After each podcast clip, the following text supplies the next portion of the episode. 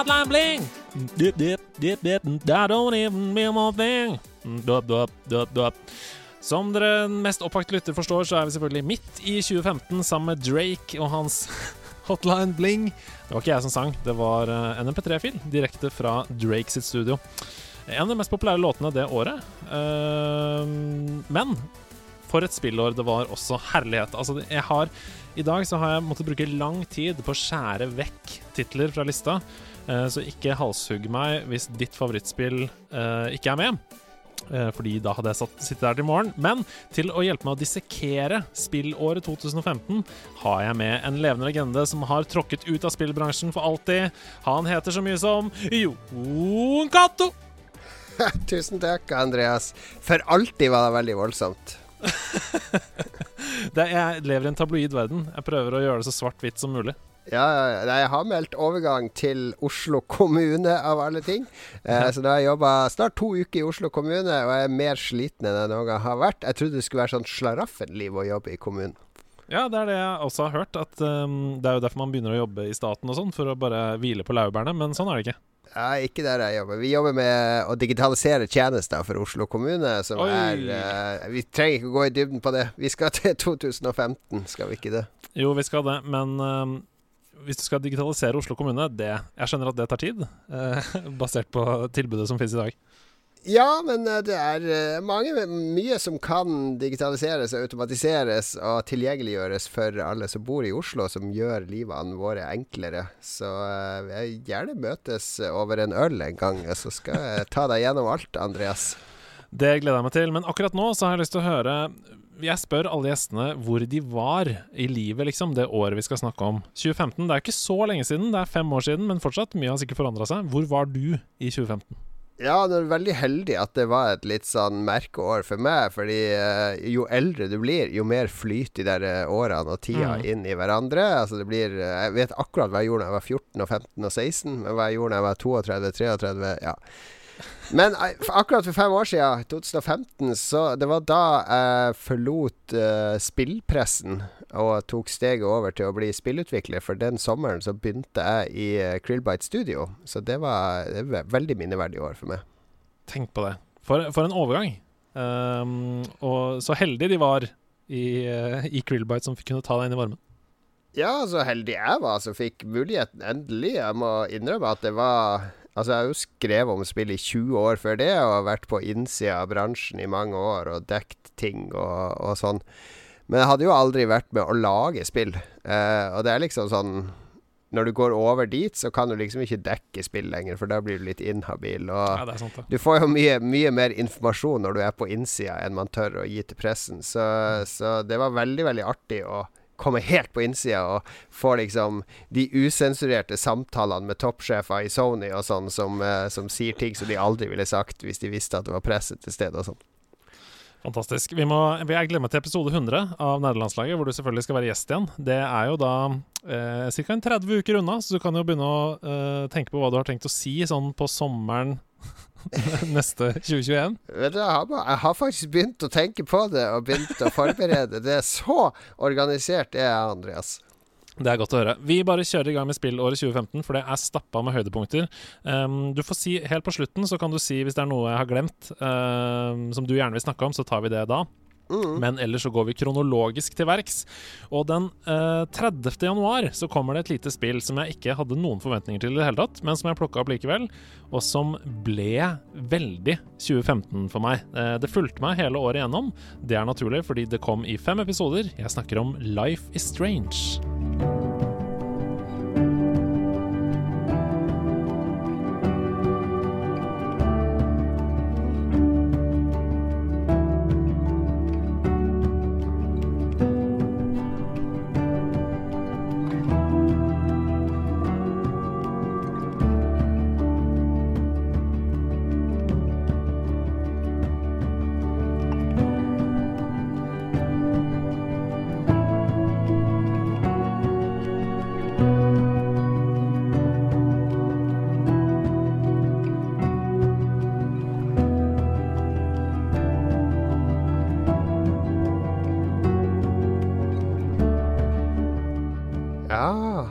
Det kom det året, ja. Mm.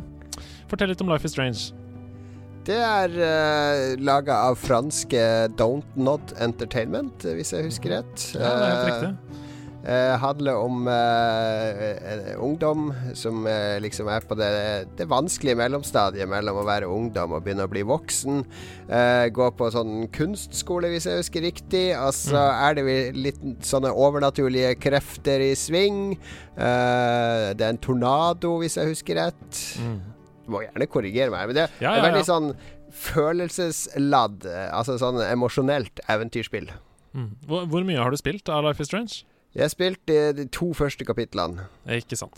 Um, da har du jo mer enn nok kvalifikasjoner til å snakke om det. Jeg har spilt gjennom uh, alle kapitlene, og det er ganske interessant det du sier, fordi uh, nå slo det meg at uh, hovedpersonen, um, Max Caulfield, hun minner meg på veldig mange måter om April Ryan fra Den lengste reisen, som ja. uh, Funcom lagde for 100 år siden.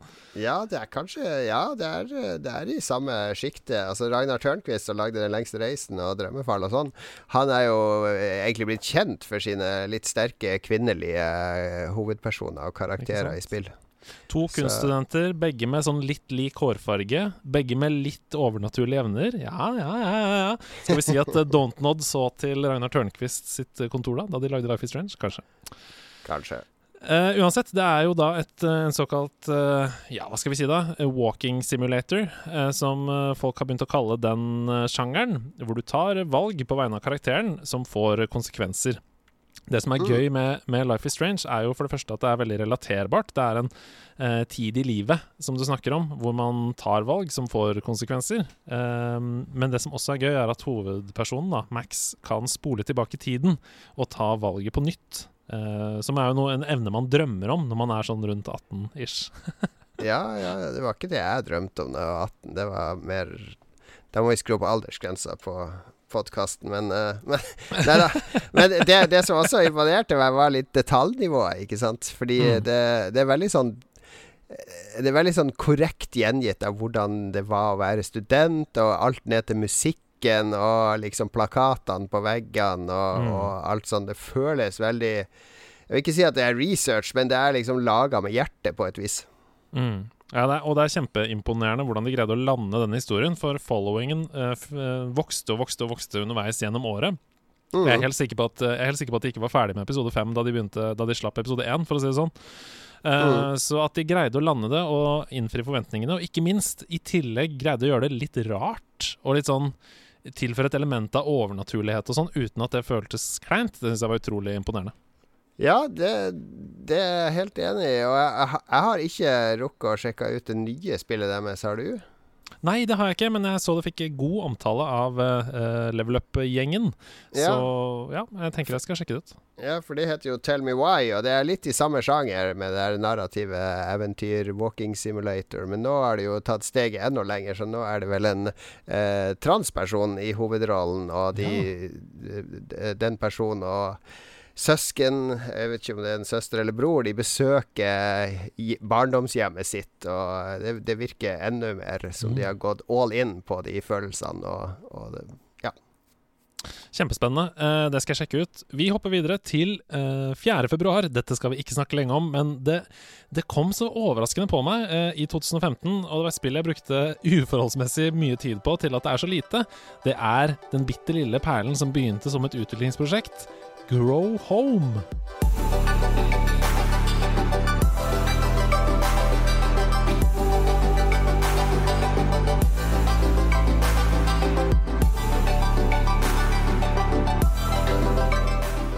Mm. Har du hørt om Grow Home? Ja, det var noe sånn Ubisoft-eksperimenter. altså Ubisoft er jo på sitt beste når de kommer med disse små eksperimentelle spillene sine, syns jeg. Helt enig. Uh, og Grow Home er resultatet av en sånn game jam som du sikkert uh, kjenner godt til. Oh yeah. Uh, og Grow Home det handler om den lille roboten Bud, som har en utrolig gøy physics-motor som du styrer. som skal da vokse en plante så langt opp i himmelen som det er mulig. Og når du når et visst punkt, så kommer det et frø ut av den planta som du tar med ned til hovedroboten, som heter MAM. MOM, selvfølgelig. Mm -hmm. og da har du runda spillet. Så enkelt. Ja. Og Det som var så gøy med Grow Home, det var at eh, for det første så var det eh, veldig sånn innbydende til exploration. Eh, det var jo en åpen verden, og overalt så skjulte det seg på en måte små hemmeligheter og easter eggs. Men fordi det fysikksystemet på roboten var så naturtro, så føltes det ofte som å klatre. Altså, du brukte L1 for venstre Ja, arm. ja, ja. Og L2 for venstre bein, og så R1 for høyre arm og R2 for høyre bein. Så du klatra deg på en måte oppover med kontrollen. Ja, ja, ja, ja. Det er samme, samme filosofi som i Tekken, vet du, der du har høyre og venstre arm og høyre og venstre bein, er jo grunnpilaren i kontrollsystemet der. Jeg tror eh, Ubisoft hadde blitt veldig glad hvis du sammenligna Grow Home med Tekken uh, til dem.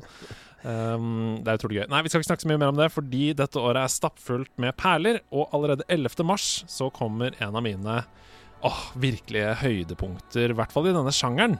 Mhm. Jeg tror ikke jeg skal si så mye mer enn at det er Ori and the Blind Forest.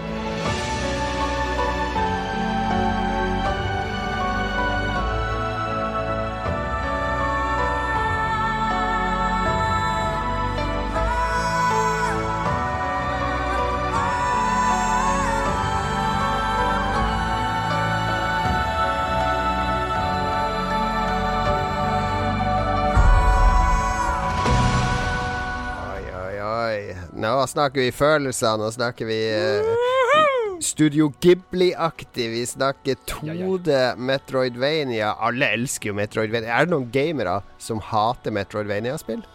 Jeg, jeg, jeg har til gode, tror jeg, å møte dem, i hvert fall. Ja. Det kan være litt utvaska av og til, den sjangeren, når det er litt sånn halvhjerta. Men Ori and the Blind Forest, det er sånn Metroidvania-spill der du ikke tenker over at det er Metroidvania. Så det er ikke De mekanikkene og de oppgraderingene og powerne du får, kommer ikke i veien for det som hele tida er en sånn visuell, drømmeaktig, magisk reise. Mm.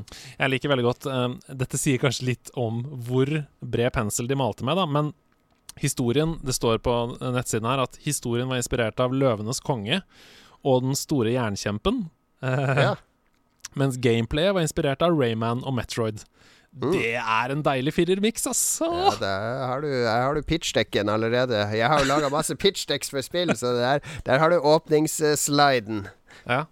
Hadde du kjøpt det basert på de fire sammenligningene? Nei, men, det, nei, men får jo, du får jo umiddelbart et bilde av hva de sikter på, eh, med, med de knaggene de, de plasserer ut der. Mm. Nei, the Blind Forest er altså en slags plattformspill med, som du sier, Metroid-egenskaper. Eh, ekstremt emosjonelt, fantastisk musikk, utrolig pen artstil. Um, og det har jo også fått en oppfølger, det spillet, Ori and the Will of the Wisps, som jeg syns Mm. har klart det nesten umulige, og nemlig å lage, en bedre, å lage et bedre spill enn det første. Eh, så syns jeg også det er eh, artig at det er kanskje det eneste spillet fra Østerrike som jeg kjenner til og liker. Å ja, spennende. Ja, ja det ser jeg her. Director Thomas Mahler. Maler. Uh, artisten Johannes Figelhuber. Ja, jeg kjenner ingen andre utviklere fra Østerrike, så Nei, ikke det. Moon Studios, ja. Mm.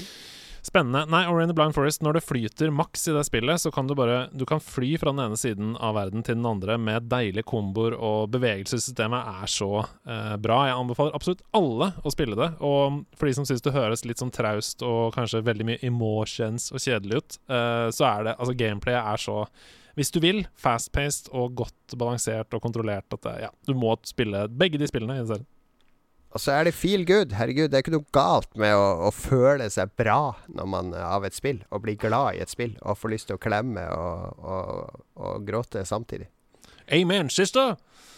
Um, vi skal videre til et annet spill som du også føler deg bra av, men som ikke er plassert i en veldig positiv setting, vil jeg si. Uh, den 24. mars 2015 så skal vi til blodmørke og dystre Yarnum. Jeg snakker om Bloodborne.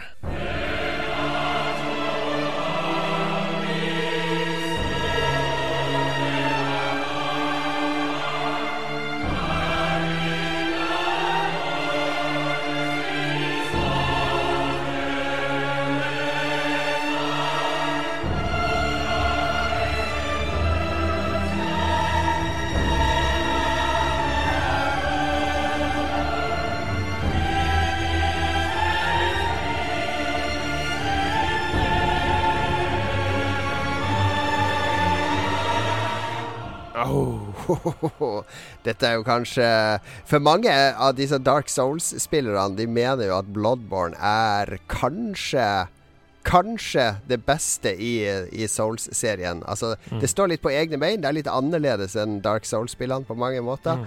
Eh, og så har det en mytologi og verden som, er, som jeg syns er umåtelig spennende. Mm. Jeg er helt enig. Jeg er nok en av dem som syns at Bloodborne er det beste i serien. Det er også sikkert fordi det er det eneste som jeg på en måte ordentlig har falt for. Jeg har også spilt eh, Dark Souls 3 og Dark Souls Remastered.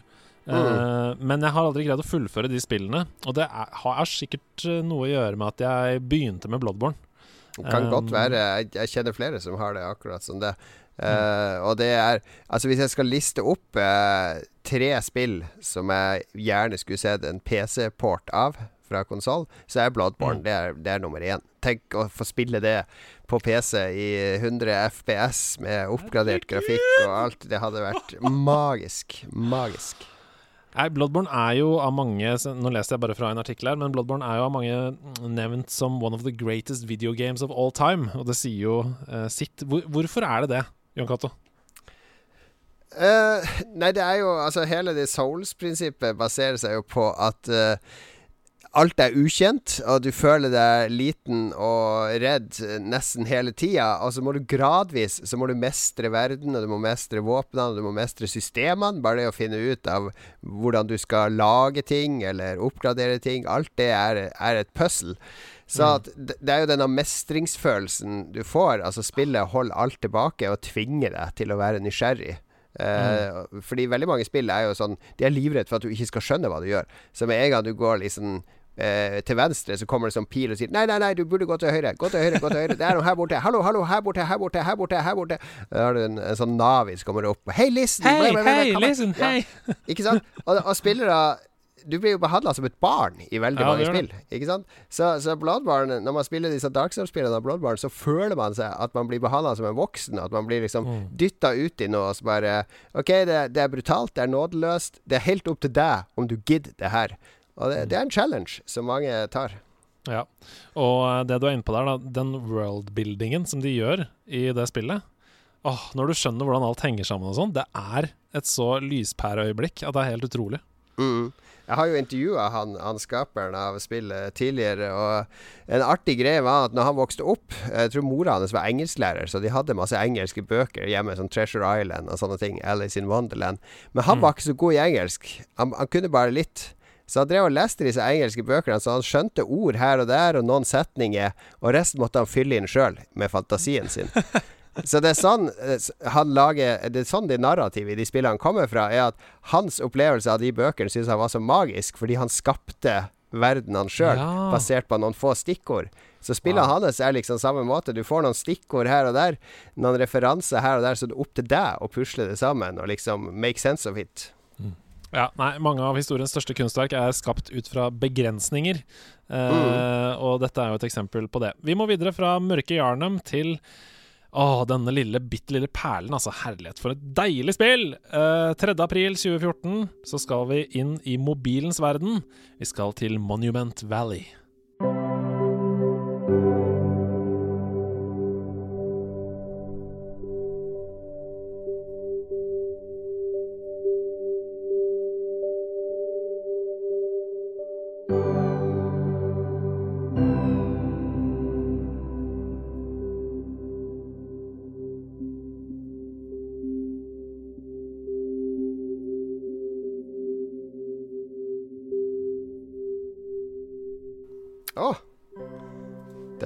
Det spillet som de spilte i uh, House of Cards, gjorde de ikke det? Jo, nå ser jeg faktisk Jeg sa faktisk også 3. april 2014 sa jeg uh, innledningsvis her. Og det kom i 2014, men det kom til Windows Phone i 2015. Så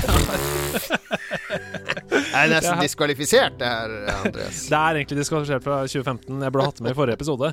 Men fordi vi er en podcast som er litt rund i kantene, så syns jeg vi skal snakke litt om Monument Valley, for jeg syns det er så fint. Mm. Det var en uh, Altså Designmessig var det en sånn stor eye-opener, og et spill som gjorde seg utrolig godt på, uh, på iPad. Ikke mm. noe komplisert spill, men uh, jeg synes det var Altså Det tok jo mange år med disse mobilspillene før de hadde tilpassa seg skjerm. Altså det Mm. at du skal styre med å trykke på en skjerm. Så, så jeg syns det er et spill som egner seg meget godt til å spille på skjerm.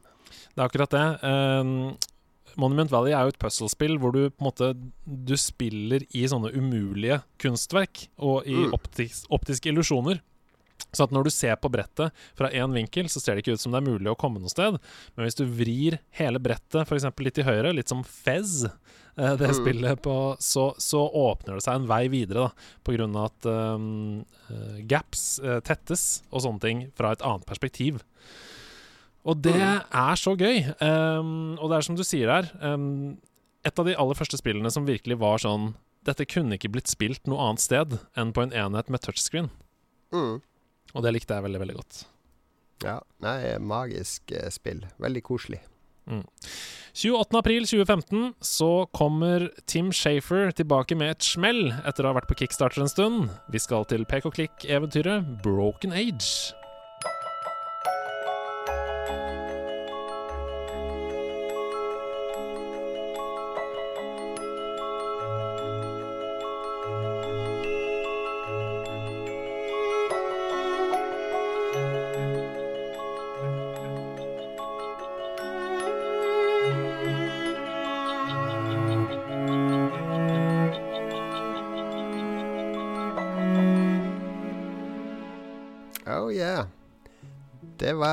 Var eh, du en backer av det, Andreas? Oh yes! Jeg er en klassisk pek og klikk-entusiast. Så når Tim Shafer kommer på banen, så, så er ikke jeg Er ikke lommeboka mi vond å be, for å si det sånn.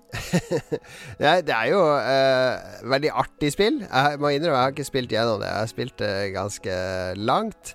Mm. Uh, men jeg, det er litt sånn at jeg skulle ønske de ikke fikk så mye penger, for da hadde det vært enda mer klassisk pek og klikk, hvis du skjønner Mm. hva jeg mener. Fordi det, det her var jo en av disse kicks, Det var jo den kickstarter-kampanjen på spill som eh, skapte et ras av kickstarter-kampanjer fordi de ba om 400 000 dollar, og så fikk de inn over 3 millioner dollar. Ja. Så jeg tenker hvis de hadde fått et mindre beløp, så hadde de laga det som et litt sånn old school pek og klikk-spill, som for meg og nostalgien jeg var ute etter når jeg backa det, hadde vært perfekt. Så syns jeg jo det nye er, er superkult. Altså, den visuelle stilen er bra, det er kult skuespill, alt mulig. Men jeg, jeg føler at det kan ikke helt måle seg med de klassiske spillene deres. Nei da, jeg er helt enig i det. Det er ikke oppe på Grim Fandango-nivå ehm, i det hele tatt. Men det ble veldig godt mottatt og fikk eh, gode Mm. anmeldelser da det kom, og står igjen som på en måte et um, av de bedre spillene som kom det året. Og i hvert fall, eh, vi kan vel si, det beste pek og klikk-spillet som kom det året. Ja, ja, ja. Og så hadde de eh, et fantastisk sånn videoteam som dokumenterte utviklinga Mm. gjennom en flere sånne episoder på video som gikk ut til backerne, og som jeg tror er tilgjengelig for alle nå. Og den videodokumentaren er så morsom. Altså, det, det, de, de har virkelig uh, putta hjertet og sjela si i å lage de videoene. Mm. Og Hvis du liker pek og klikk-spill, så er det um, masse å hente her. Det er en historie sett fra to ulike perspektiver, um, som ikke nødvendigvis har noe med hverandre å gjøre.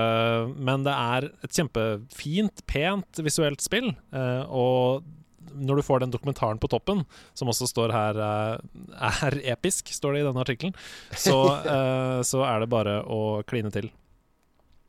OK. eh, nå kommer vi nok til å bruke litt tid. 19. mai, to dager etter Norges nasjonaldag og én dag før min bursdag, Mhm. så kommer det et spill som Som gis ut eh, med, til støtt og stadig. Eh, og det skal komme i oppusset versjon også på PlayStation 5 og Xbox eh, Series X. Jeg snakker om Yeah. The Witcher 3.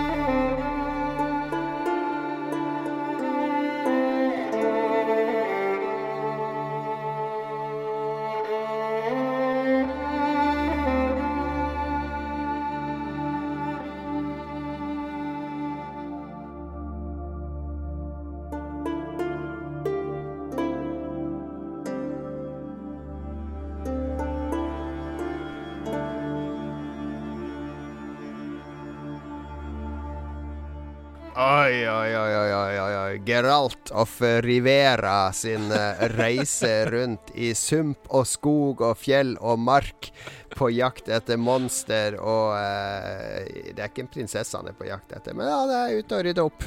Ja, det er jo, Han er jo på jakt etter en kvinne, i hvert fall i begynnelsen av spillet. Ja. Han er det, og eh, med de to Ja. Nei, de, dette er jo et spill som har holdt seg utrolig godt. Altså, mm. jeg spilte det på nytt senest i fjor.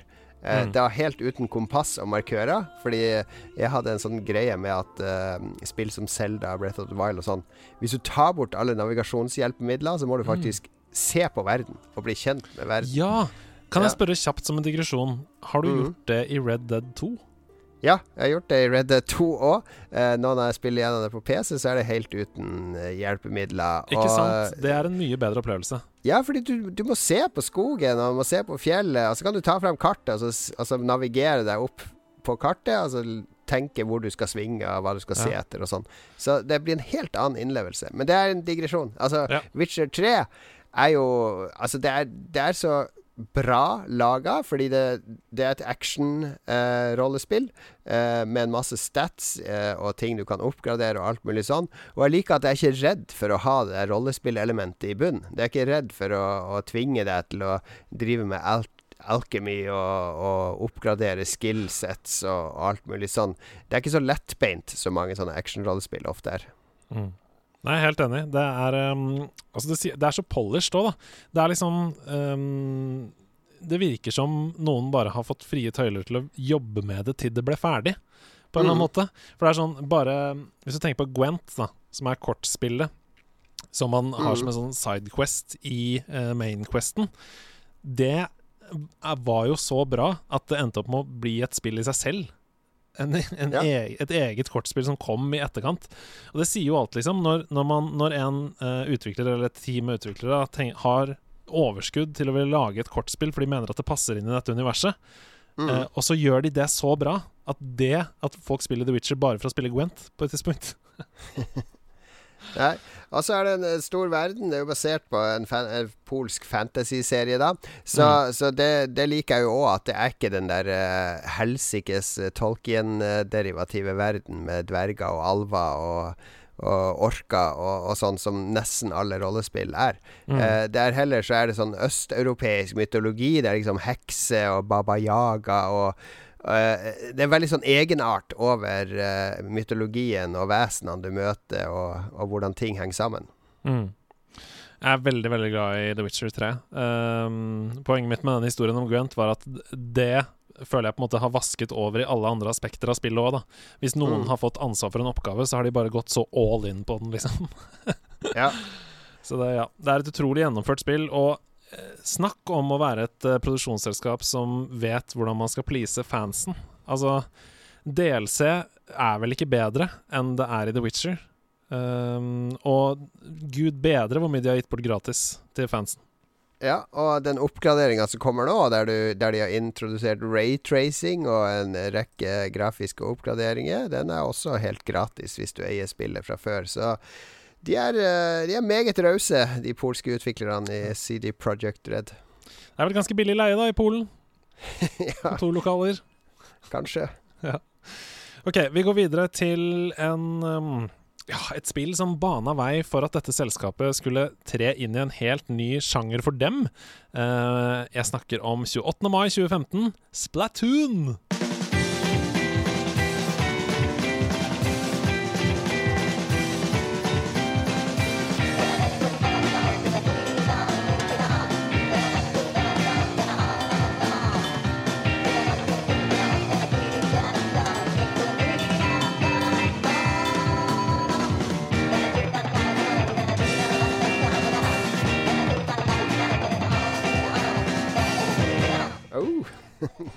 Nintendos første, i hvert fall ordentlige, skytespill. Ja, ja, etter Golden Eye så er det jo det. Jeg husker at Golden Eye var også gitt ut av Nintendo, selv om det var Rare som lagde det. Rare var ja. eid av Nintendo, da. Ja, men dette er jo på en måte Nintendo som var developer. Ja, uh, Splatoon, er. Altså.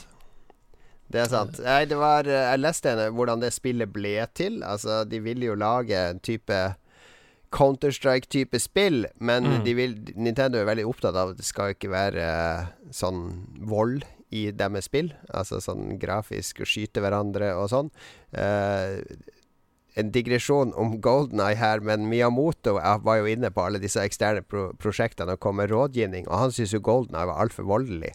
Så, så, Nintendo foreslo for Rare at når, spillet, når du kom til slutten av spillet, og på rulleteksten, så kunne jo James Bond gå rundt på et sykehus og hilse på alle han hadde skutt, sånn at vi fikk se at de ikke var døde likevel.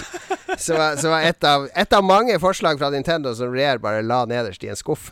Ja, det men, men, det var filosofien til Nintendo, ikke sant. Så de, de begynte å leke med maling, og, og, så ble det jo hele der Altså, spillet går ut på å male, egentlig. Konflikten ja, det det. ligger der. Så det er mer som en snøballkrig enn en, en, et skytespill. Men la meg spørre deg, Jon Cato.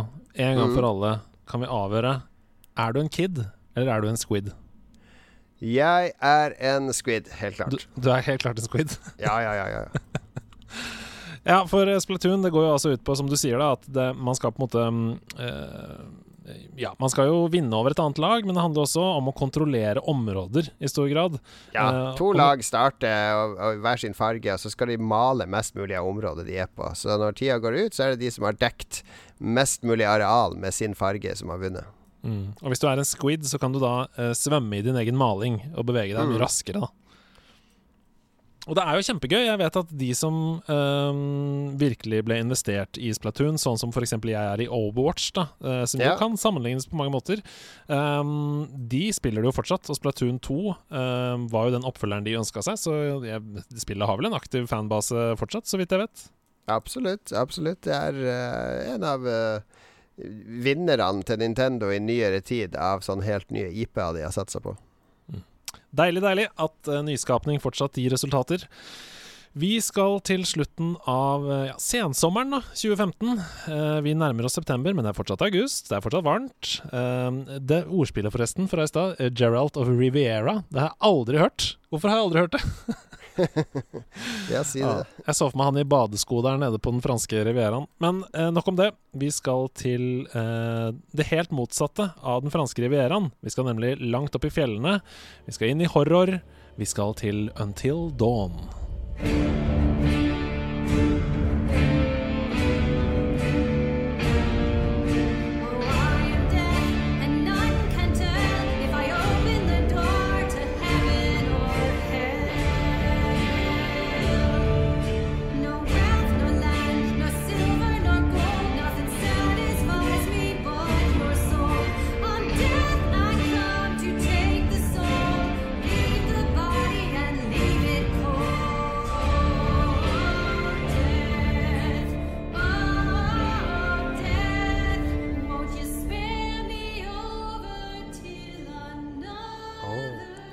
Du spilt det... Until Dawn?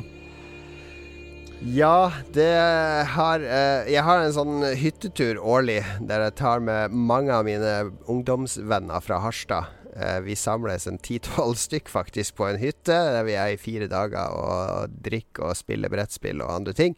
Og der hadde vi med Until Dawn, så vi da spilte en hel gjeng sammen, der alle var med på avgjørelsene.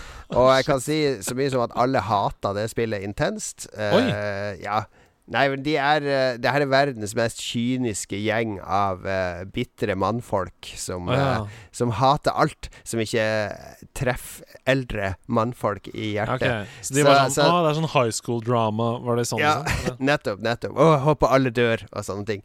Så, så det er en veldig, veldig dårlig setting å sette på en film du liker, eller et spill du liker, for det blir slakta og sabla ned. Men det var liksom min Until Dawn-opplevelse. Jeg husker egentlig veldig mye av det spillet, nettopp fordi vi spilte det der, fordi alle drev og kødda med, med alt i spillet hele tida. Og ja. Eh, det var velregissert Altså, det er jo en sånn videreføring av Dragons Lair. Eh, med masse, masse skript og, og filmer eh, Ja, filmatiske greier. Mm. Det er jo Altså, vi snakket om Life is Strange um, tidligere, og det føles på mange måter litt likt, bare mye mer brutalt. Um, mm. Du går Du er på en hyttetur. Uh, det er et interaktivt uh, drama, survival, horrorspill. Du er på en hyttetur med en vennegjeng. Um, og ting begynner selvfølgelig å skje. Um, folk begynner å dø, eller ikke. Du kan nemlig komme deg gjennom spillet uten at noen dør. Uh. Det har aldri jeg greid. Um, mesteparten døde da jeg spilte. Men uh, det blir verre og verre. skumlere og skumlere. Jeg syns det var helt grusomt skummelt på et tidspunkt, men nå satt jeg også alene eller bare sammen med kona mi i et ganske mørkt rom og spilte dette spillet. ja. uh, og det er altså En av de beste rollefigurene i dette spillet er jo Petter Stormare. Hæ? Det er han eh, psykologen, er ikke han det? Ja. Ja, ja, ja. ja. Han er bra. Han var bra i det spillet. Peter Stormare avbryter handlingen innimellom eh, med å intervjue på en måte deg som spiller i et rom. Hvor han stiller deg ulike spørsmål om hva du er mest redd for i verden, og hvorfor du er redd for det, og sånne ting. Og så viser han deg en bok hvor han har tegnet f.eks. en edderkopp eller en slange på hver side. Og så må du peke på hva du er mest redd for. Og hvis du peker på edderkopper, ja, da kan du banne på at du kommer til å møte edderkopper på et senere tidspunkt i spillet. Mm. Og det er litt gøy. Jeg likte godt det, da. Eh, så innimellom så Mhm. Ja, nei, det, det er et sånn psykologaspekt som de egentlig har stjålet litt fra um, et av de Silent Hill-spillene. Et av Mm. de senere. For der har du også sånn her du skal fargelegge et hus hos psykologen, og så senere i spillet så møter du det huset med de samme fargene, osv. Så, videre. Mm. så eh, en litt sånn artig Artig måte å bryte sånn third wall på. Vi fortsetter i 2015. Ehm, jeg ser nå at eh, er, vi hopper litt tilbake i tid. Det er 7. juli 2015. Eh, et spill som jeg er 100% sikker på at utvikleren ikke trodde at skulle bli så svært som det har blitt. Herlighet. Det har jo blitt en hel Hva skal jeg si? Det har blitt en hel e-sportsjanger. Jeg snakker om Rocket League.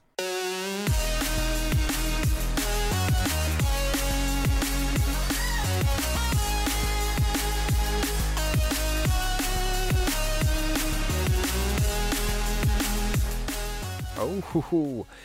Ja, nei, det, det kom ut fra ingenstedsen. Du vet at det er en oppfølger? Hæ?! Ja, ja, ja. Det, det, I 2008 så kom det et spill på PlayStation 3, og det hadde jeg faktisk, som heter Supersonic Acrobatic Rocket Powered Battle Cars. Som er Det er, basi- det er akkurat som Rocket League.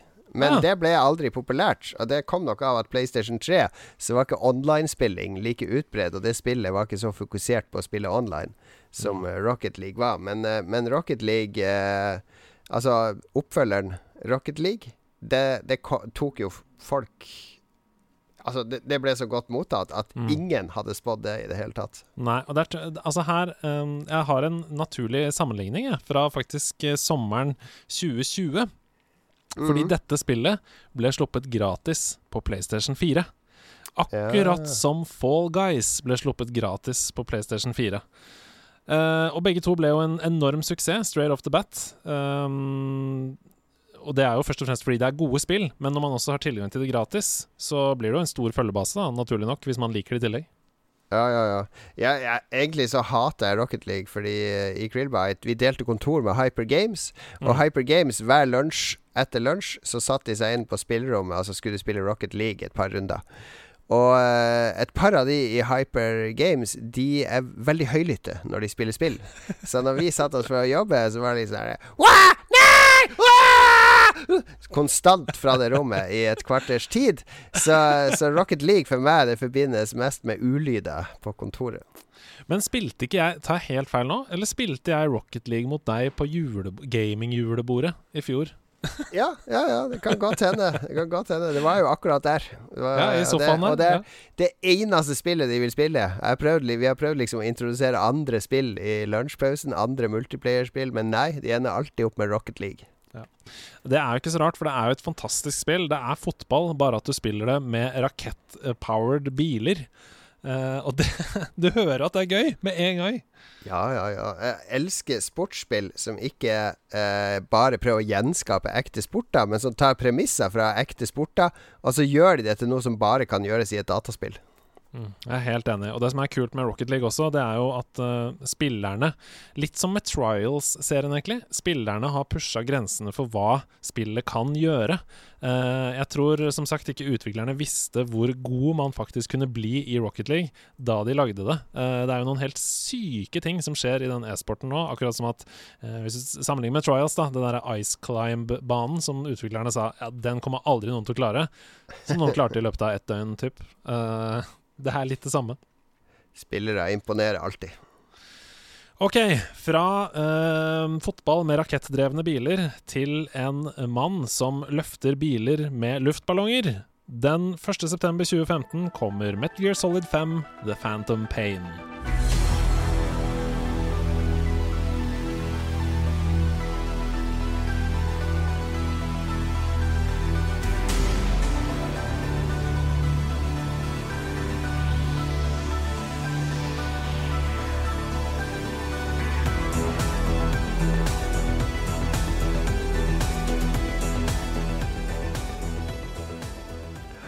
Endelig. Lang ventetid. Endelig. Men for et spill, da. Det var en uh, Enkelte mener det ikke er en verdig avslutning på Metal Gear-saga, men jeg syns det, fordi det er et spill som snuser ut nytt territorie. Det mm. det er jo litt en forløper til uh, Death Stranding, som også er litt sånn open world, og, og der man utforsker litt annen tematikk enn mm. det som har vært tradisjonelt i de spillene. Mm. Ja, det som er det mest fascinerende for meg, og det beste med Metal Gear Solid 5, det er mangelen på story. Fordi mm. eh, jeg lager min egen historie i Metal Gear Solid 5. Jeg vet at det er et forslitt eh, at mange anmeldere har sagt det før meg, men det er fortsatt sant. Um, det er 100 millioner måter å løse alle de forskjellige oppdragene på. Uh, og du blir ikke holdt i hånda i det hele tatt. Mm. Hvis, hvis, jeg har lyst til å løse oppgaven ved å snike meg inn på den ene siden, kalle inn et helikopter som drar oppmerksomheten på den andre siden, og så skyte uh, et helikopter som sprenger, og så komme meg ut i slow motion på min egen Altså, jeg kan gjøre det akkurat sånn som jeg vil, og da blir det min historie. Mm. Det er det beste med det spillet. Um, Helt enig. Helt enig. Og så er det også sånn at uh, det geniale med den derre mother base, som, du, som jeg var inne på innledningsvis her du kan, du kan, ta hva du vil og sende tilbake til den basen med noen sånne uh, ballonger. Ja. Uh, det, det, gjør jo at spillet Altså, den er jo helt enorm, den basen, og det blir en helt sånn, et annet sånn loot-aspekt til Metal Gear som ikke har vært der i tidligere spill. Mm. Basebygginga. Rett og slett basebygging. Um, så, selv om, så, selv om, kanskje historien var litt lackluster og ikke den beste, så, så er det som du sier, da. Det, det tok en annen retning for Metal Gear-serien. De ja, og, og for, for, Hidio Kojima, altså geniet bak eh, disse spillene, så var det nok veldig sunt for han å kunne begynne å designe spill som gikk ut av den tradisjonelle Metal Gear-fella, der det er litt, disse litt sånn lukka labyrintene. Uh, som er en puzzle du skal løse omtrent med litt gear og våpen og sniking og, og folk som patruljerer rundt. Så jeg tror for han så var det en befrielse å lage, og så kom han seg ut av Konami, og da fikk vi jo mesterverket Death Stranding, som du må ta for deg i 2019-sendinga. Uten tvil. Så mens puristene var rasende, så lo alle vi andre hele veien tilbake til Mother Base. Yes. Eh, jeg går videre, for vi har fortsatt en tre-fire spillere igjen på lista her. Den ja. 15.9.2015. Nok et spill som veldig, veldig få uh, hadde noen forventninger til i det hele tatt. Lagd av én fyr, sammen med en artist, vel. Uh, mm. Jeg snakker om Toby Fox sin lille perle Undertale.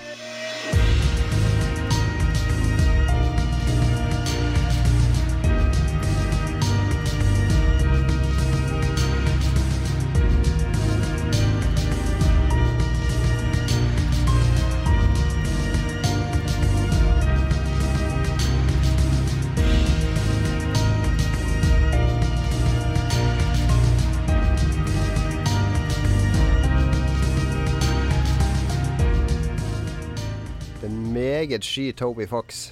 Har du fått han i tale noen gang? Nei, jeg var på, jeg var på Game Developers Conference i, i, mars 2016, og der er det jo Independent Game Awards. Uh, og der vant jo uh, Undertale vant jo flere priser der. Og han var jo selvfølgelig ikke til stede, men han hadde laga noen sånne animasjoner som han hadde spilt inn på forhånd. Ikke med sitt eget tryne, men bare med spillfigurer og tekst og sånn. For han, er, han virker veldig sjenert og tilbaketrukken. Mm. Han er spillbransjens svar på Cashmere Cat. Eh, Magnus fra Sarpsborg, som ingen får lov å intervjue eller snakke med, og som sjelden viser fjeset sitt. Mm. Er det ikke Magnus han heter? Jeg husker ikke. Uansett, Undertale det er et RPG um, ehm, i ganske sånn eh, Hva skal jeg si Minimalistisk uh, tegnestil. Mm. Hva, hva, har du lyst til å sammenligne med? Eh, det, altså det mest åpenbare er litt sånn uh, Ikke det visuelle, men, uh, men spillmessig eller følelsesmessig så ligner det veldig på Earthbound, som jo mm. er sånn kult rollespillklassiker på Super Nintendo. Mm. men det er jo en sånn 8-bits simpel stil, og som av en eller annen grunn appellerer. Altså, jeg spilte ikke det når det kom, men mm. sønnen min, som da var 14 år han var helt oppslukt i Undertale. Mm. Og jeg tenkte hm, det er litt fascinerende. Altså, han spiller bare Counter-Strike og Destiny og sånn. Men akkurat det der Han spilte egentlig ikke singleplayerspill, men akkurat Undertale Det var noe sånn magisk med det, og han klarte ikke å forklare helt hva det var. Mm. Jeg har det på samme måten. Jeg eh, ble veldig, veldig glad i Undertale. Um, og det, det, er så Det har så mye gjenspillbarhet også, for uh, spillets kampsystem går jo på at du trenger ikke å drepe noen, men mm. du kan drepe alle. Mm. Uh, og det gjør at du står i mange sånne valg underveis, da, som gjør at du i stor grad kan forme historien sånn som du vil at den skal være. Um, som jeg syns er utrolig interessant. Ja. Nei, det er uh, emosjonelt uh, og litt sånn og retro og Nei, det er Du må nesten spille det for å oppleve det. Det er altså, veldig sant. Screenshots don't do it justice. Helt riktig. Litt som Minecraft. Eh, da det kom, så tenkte jeg hva er dette for noe drit? Og så spilte jeg det selv, og så så jeg magien eh, bak mm. pikslene. Sånn er også Undertale. Bare gå ut og spill det. Det er morsomt, det er trist, det er engasjerende på alle mulige måter. Akkurat som det neste, eller neste spillet jeg skal snakke om, det er å strekke det langt og si at det er trist på noe tidspunkt, men det er kanskje frustrerende. Eh, den 10.9.2015 i Japan, Super Mario Maker.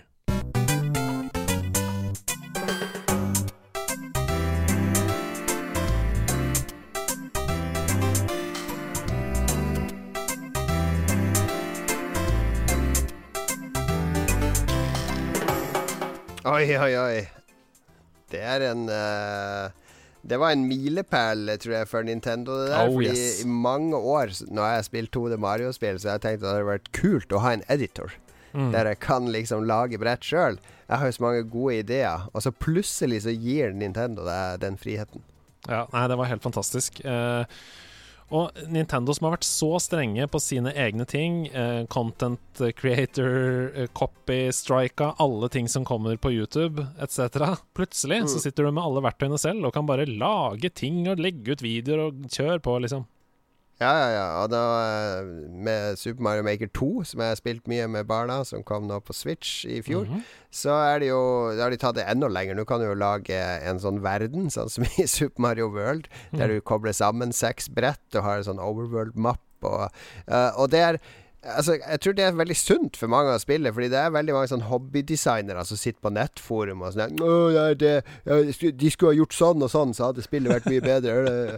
Sånne der uh, quick fixes som veldig sjelden er quick fixes eller ja. forbedrer spillene. Så her kan man virkelig prøve seg som spilldesigner, og du, det du fort finner ut, er jo at det er jo sinnssykt vanskelig å designe et brett som er morsomt å spille. Ja du kan sant. designe brett som er dritvanskelig, det er jo det mange gjør. Sånne ekstremt vanskelige brett, eller bare brett som er fulle av kaos og fiender og, og, blokker du skal hoppe på med automatiserte ting som skjer, og osv. Mm. Det er også litt artig, men å lage et brett som er litt sånn rent og artig å spille, og litt sånn pure game design, er utfordrende. Ja. I Super Mario Maker så har du altså tilgang til de aller fleste assets fra Mario-universet gjennom tidene. Eh, og du kan bygge egne baner enten i Super Mario World-stil eller i Super Mario 3-stil, om du vil. Mm. Eh, eller i nyere Super Mario-spill, da. Og det er som mm. du sier, at de to måtene jeg koser meg mest med det spillet på, det er enten å spille andres baner, eller så er det å bygge min egen bane. Men når jeg er ferdig med å bygge min egen bane, så er det ikke noe gøy å spille gjennom den. Da, det gjør jeg kanskje én gang, og så er den Nei. død, liksom. Men der har jeg den ekstra dimensjonen i mitt liv eh, med at jeg har tre barn, og ah. to av de er jo under tolv. Det mest takknemlige publikummet. Ja, jeg skreddersydd baner til de, ikke sant. Perfekt. Altså Skal de bryne seg på de banene. Og jeg har spesielt laga litt sånn spøkelseshus, der det er litt sånn gåter de må løse, må finne utgangen og sånne ting. Og det er veldig gøy å se. Veldig gøy å se de bryne seg. Og så har jeg ofte lagt inn sånn at jeg har skrevet navnet deres i mynter eller sånne ting, som jo er artig å finne. 2015 var et helt uh, fantastisk år, som dere allerede har skjønt, og det var ikke over enda, for den 10. november 2015 så kom spillet som folk har omtalt som Eh, det Skyrim var for Oblivion, det er dette spillet for Fallout 3. Jeg snakker om Fallout 4.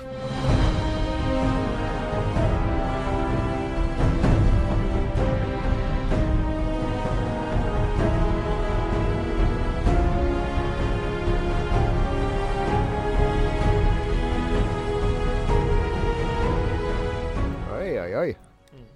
Har du spilt det, Fallout 4? Ja, jeg har det. Og jeg satt uh, Jeg har jo gjort litt research før jeg kom hit. Uh, og jeg satt og tenkte på det at jeg husker egentlig ganske lite fra Fallout 4, må jeg innrømme. der er vi to stykker i samme eh, tresko som flyter nedover elva. Fordi jeg eh, falt aldri for Fallout 4. Nei. Jeg husker jeg spilte Gikk ut av Det var masse bygging. Du kunne bygge i det Mm. spillet, ikke sant? Du kunne bygge Du kunne holde på med din egen base. Mm. Ja, som jeg aldri helt falt for. Og så begynte jeg å utforske historien i stedet. Og så føler jeg bare at det her har jeg spilt før, på en eller annen Mm. måte. Altså det, det, det falt litt i den der Betesta-fella med at Betesta i stor grad sitter fast i sine gamle systemer som de har Mm. laga, og gjenbruker i det uendelige, i stedet og virker livredd for å fornye ting. Så Mm. at uh, det, det føltes gammelt når jeg spilte det, liksom. Helt, helt enig. Det var absolutt min opplevelse. Det beste, syns jeg, da med Fallout 4, det er sidequestene. Mm. Uh, det byggesystemet ga meg nesten ingenting, og main-historien ga meg heller ikke så veldig mye. Men sidequestene isolert sett, der var det en del overskudd. Jeg husker spesielt en sånn baseball-fyr som fortalte Mm. om Som prøvde å lære meg hva baseball var før i tiden. Um, og selvfølgelig ikke hadde noen peiling på hva baseball var, og snakka om at baseball var et spill hvor to lag hadde balltrær som de drepte hverandre med. uh, sånne ting syns jeg var veldig morsomt. da Det var noen sånne uh, kule, isolerte sidequests. Men Ja, problemet mitt var at jeg sammenligna det jo med New Vegas hele tiden. ja. Som jeg syns manusmessig bare bobler over da uh, av kreativitet. Og hvor valgene dine, ikke minst, er ehm, Valgene du tar i dialogen, f.eks., er veldig uh, ulike hverandre og faktisk har en konsekvens i den ene eller andre mm. retningen.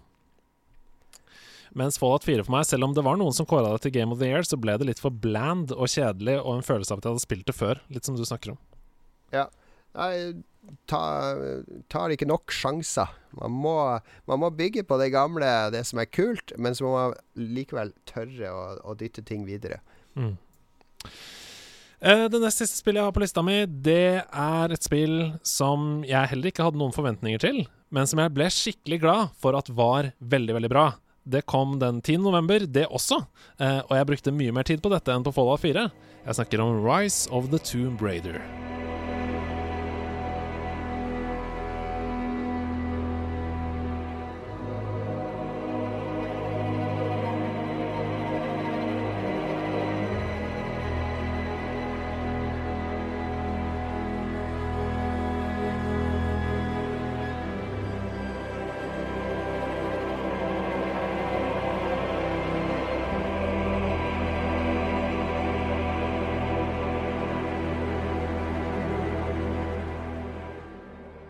Åh, -hmm.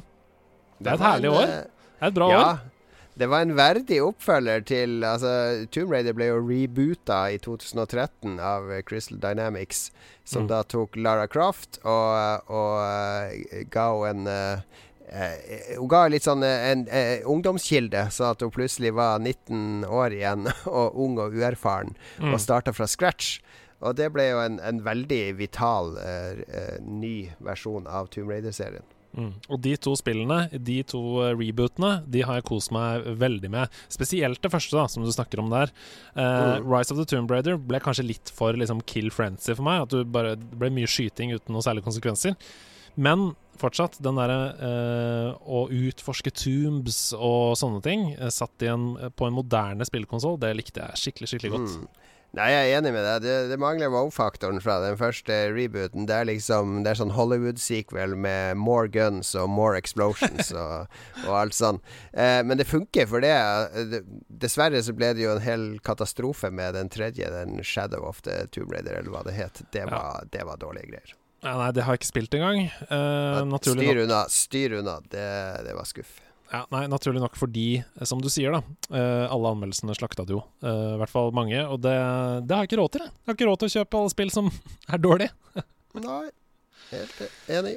Helt til slutt så har jeg bare lyst til å ta opp en honorable mention. Det kom på PC 29. mai 2014, men det kom på konsoll 10. desember 2015. Jeg snakker om Krillbite Studio sitt Among the Sleep.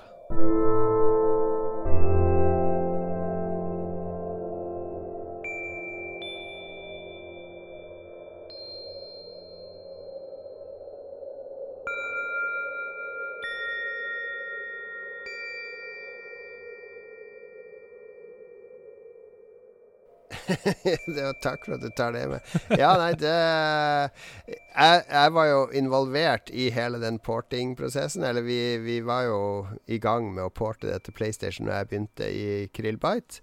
Men jeg var med på hele den lanseringa og hele den prosessen med Sony med å få det godkjent og ut og bestemme dato og alt sånn. Eh, og det viste seg at det var alle advarte oss ja, de må ikke lansere i, i, desember, fordi da skal alle spille Call of Duty og de tingene som kommer i november. Men det var et gulltidspunkt å lansere på. Mm. Det kom liksom ingen andre spill da. Og jeg fikk masse oppmerksomhet, og det kjører ganske bra på PlayStation. Det gjør det. Ja, jeg har jo spilt det på PlayStation, og jeg likte det kjempegodt. Det er en veldig god opplevelse, uh, eh, syns jeg, på PlayStation. Men mm. jeg, jeg, grunnen til at jeg tok det med, var jo to grunner. For det første fordi jeg spilte det i 2015, uh, eh, og for det andre fordi jeg sitter jo nå med en med førstehåndserfaring. Så jeg har liksom lyst til å spørre deg litt sånn ja. om det spillet. Hva, hva Hvordan var det å være på innsiden av studioet som lagde det spillet? Eh, det er et helt magisk studio, det vil jeg si. Nå kjenner jeg jo mange spillstudio i Norge, selv om jeg bare har jobba i Krillbite. Men uh, Krillbite har en helt sånn unik filosofi at uh, vi, vi, jakter på det kreative som vi syns er artig, og prøver mm. å lage spill av det. Og fra Magne Sleep så var jo det på, Altså, det var jo et studentprosjekt, fordi alle disse gikk på høyskolen i Hamar og mm. studerte spilldesign og 3D-grafikk osv. Så, videre. mm.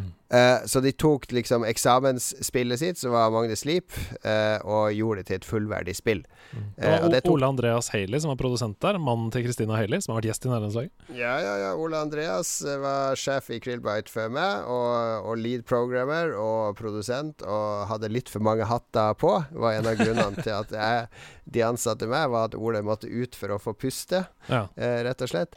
Uh, og, en, og, en, hel gjeng med veldig dyktige, kreative folk. Uh, mm. Så, så når, å komme på innsida der altså det, det, ble jo mye å gjøre for meg i Krillbite, fordi på mange måter så ble det litt sånn voksenopplæring, for jeg kommer inn 20 år eldre enn alle andre i selskapet som en slags pappa.